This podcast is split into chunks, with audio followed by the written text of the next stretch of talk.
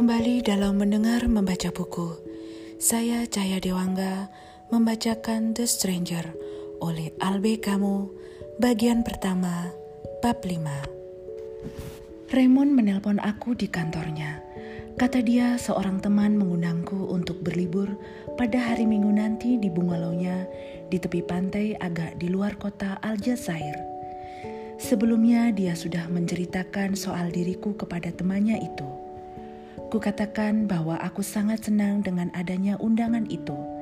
Hanya saja aku sudah terlanjur membuat janji dengan seorang perempuan pada hari Minggu itu. Raymond segera menungkas bahwa teman perempuanku juga bisa diajak. Sebab kenyataannya istri temannya sudah pasti akan senang jika bukan hanya dia saja yang perempuan. Aku ingin segera menggantung gagang telepon lantaran atasanku tidak begitu senang kalau kami menggunakan pesawat telepon untuk percakapan pribadi. Namun Raymond meminta aku tetap memegang gagang telepon itu karena ada sesuatu yang hendak disampaikannya. Yang hendak disampaikannya itulah yang mendorong dia menelpon, kendati undangan dari temannya bisa saja disampaikan nanti malam. Begini ujarnya, aku dikuntit beberapa orang sejak pagi tadi Salah satu dari mereka ialah kakak perempuan yang bertengkar denganku. Kalau kau lihat dia kelayapan di sekitar tempat tinggal kita, sewaktu kau pulang nanti, tolong beritahu aku. Aku berjanji untuk menyampaikannya. Selang beberapa waktu atasanku memanggilku. Awalnya aku gelisah Kuharap dia membahas masalah-masalah pekerjaanku dan bukan soal membuang-buang waktu dengan mengobrol bersama teman melalui telepon. Untunglah apa yang kukhawatirkan itu tidak terjadi. Dia ingin membahas sebuah proyek yang sedang dalam tinjauan. Kendati sejauh ini dia belum mengambil keputusan. Itu menyangkut rencana pembukaan sebuah cabang di kota Paris agar kami dapat berhubungan langsung dengan perusahaan-perusahaan besar di sana, sehingga kelambatan pengiriman barang melalui pos dapat teratasi. Dan dia ingin tahu apakah aku bersedia ditempatkan di sana. Kau masih muda, tuturnya, dan aku yakin kau akan suka hidup di kota Paris, dan sudah pasti kau punya kesempatan mengelilingi Perancis. Kukatakan kepadanya bahwa aku sungguh bersedia ditempatkan di sana. Namun aku benar-benar tidak akan peduli dengan salah satu cara hidup yang bakal dipaksakan kepadaku. Kemudian dia bertanya, apakah perubahan hidup begitulah dia menyebutnya tidak akan kulakukan dan kujawab bahwa seseorang tidak pernah mengubah cara hidupnya. Satu cara hidup akan sama baiknya dengan yang lain – dan cara hidupku sekarang ini sudah sangat sesuai dengan diriku. Satu cara hidup akan sama baiknya dengan yang lain, dan cara hidupku sekarang ini sangat sesuai dengan diriku. Dia tampak terluka mendengar kata-kataku itu, dan dia mengatakan bahwa aku selalu bimbang dan kekurangan ambisi.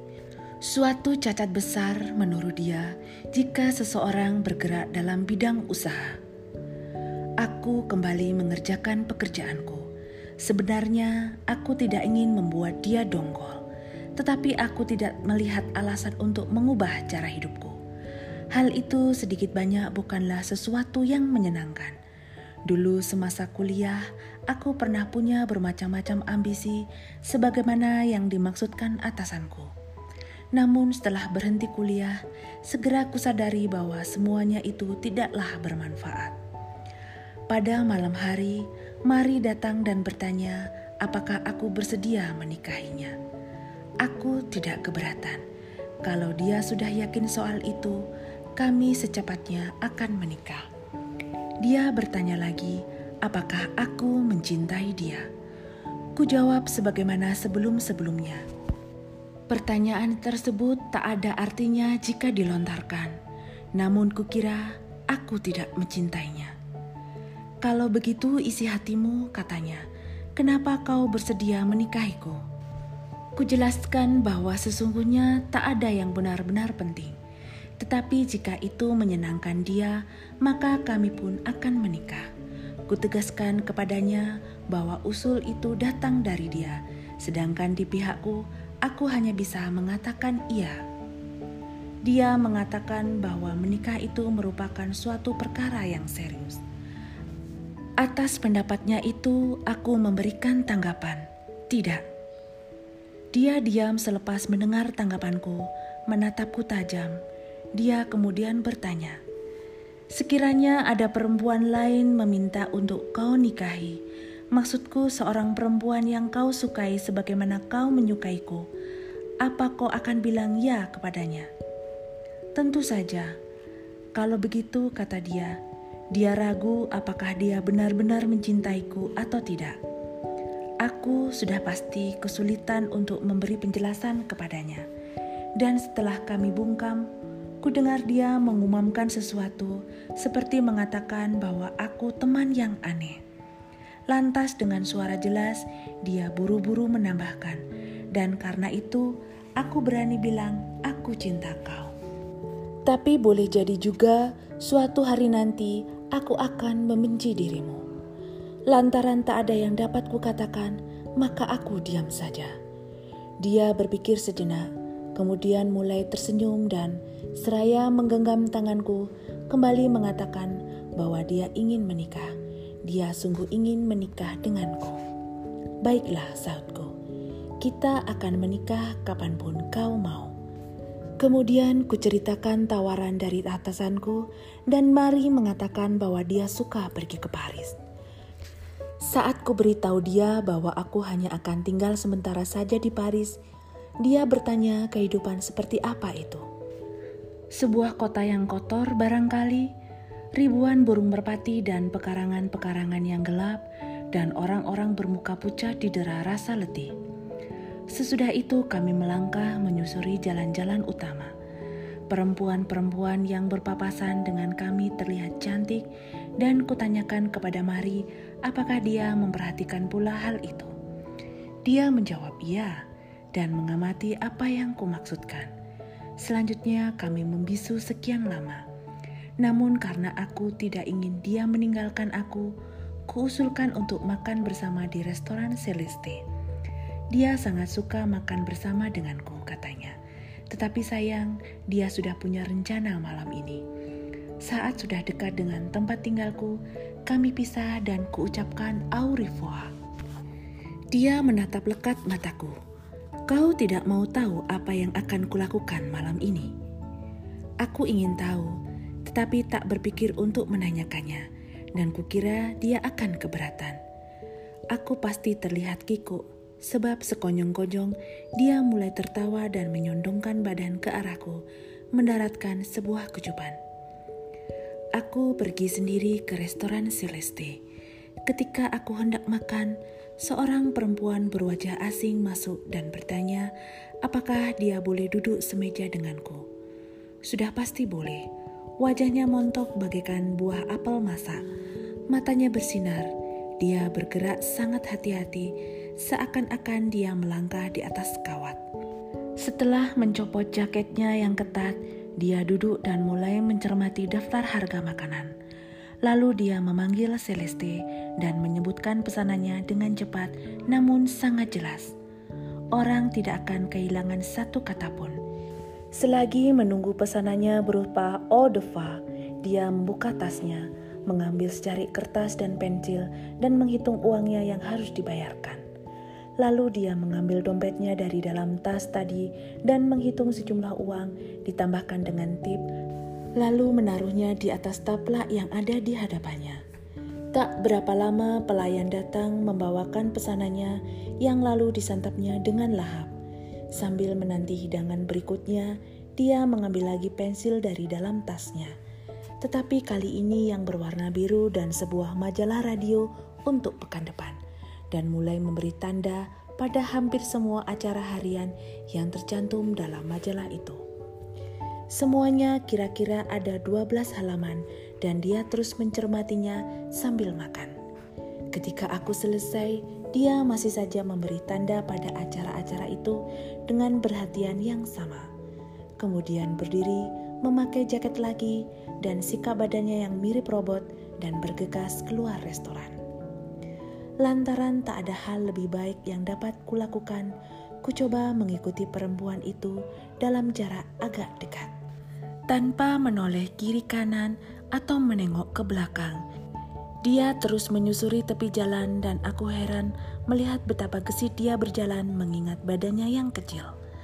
Ternyata dia terlampau cepat berjalan dan dalam waktu singkat dia sudah hilang dari pandanganku. Aku akhirnya pulang. Robot kecil itu sejenak menghadirkan kesan pada diriku, tetapi aku lekas melupakannya.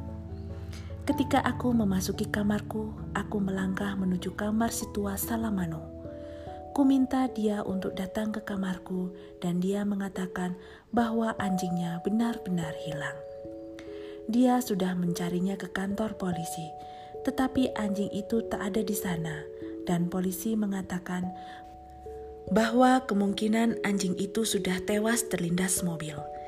Ketika menanyakan kemungkinan untuk mencari keterangan soal itu, polisi menyatakan bahwa ada pekerjaan yang lebih penting untuk mereka perhatikan ketimbang mengurus anjing-anjing yang tergilas mobil.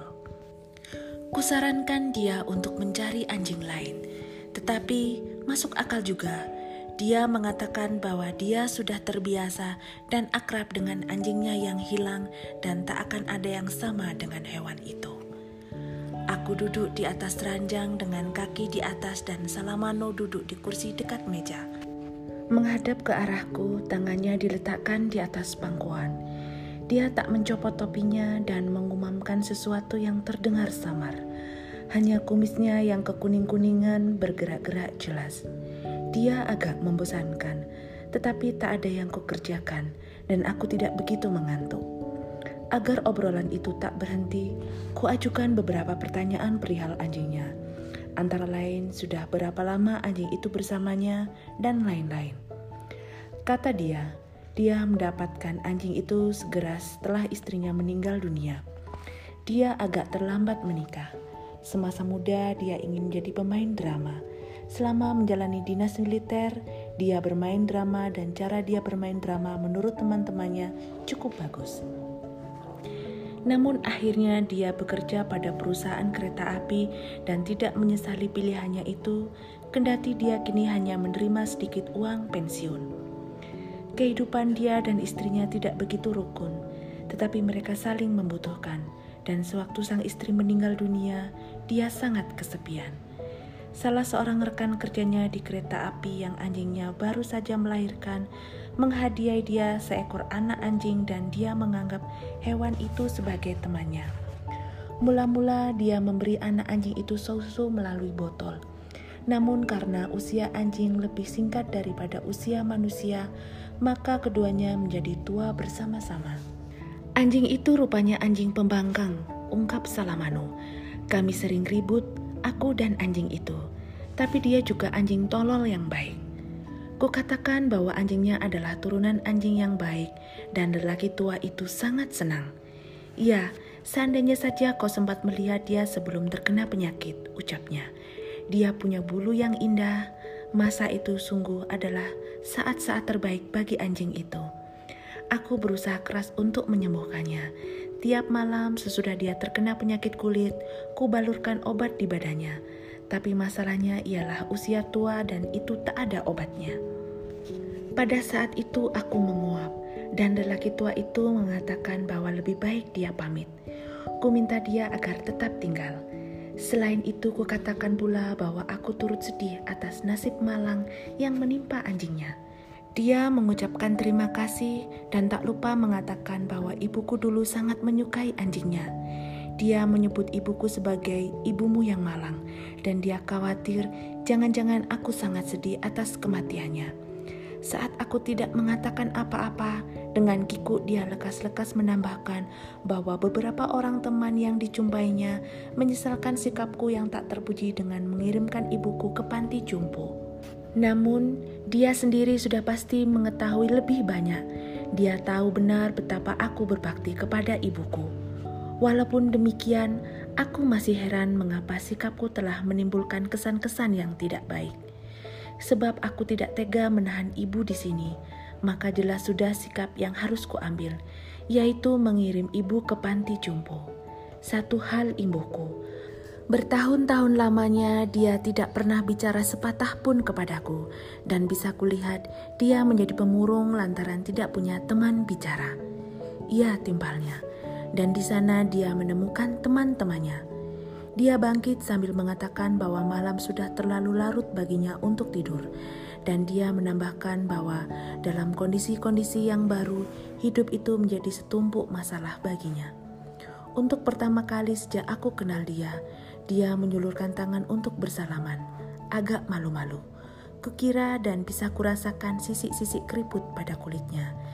Sebelum dia melangkah keluar kamar, di pintu dia sempat berbalik lagi, tersenyum simpul dan berujar, Mari kita berharap semoga anjing itu tidak menggonggong malam ini.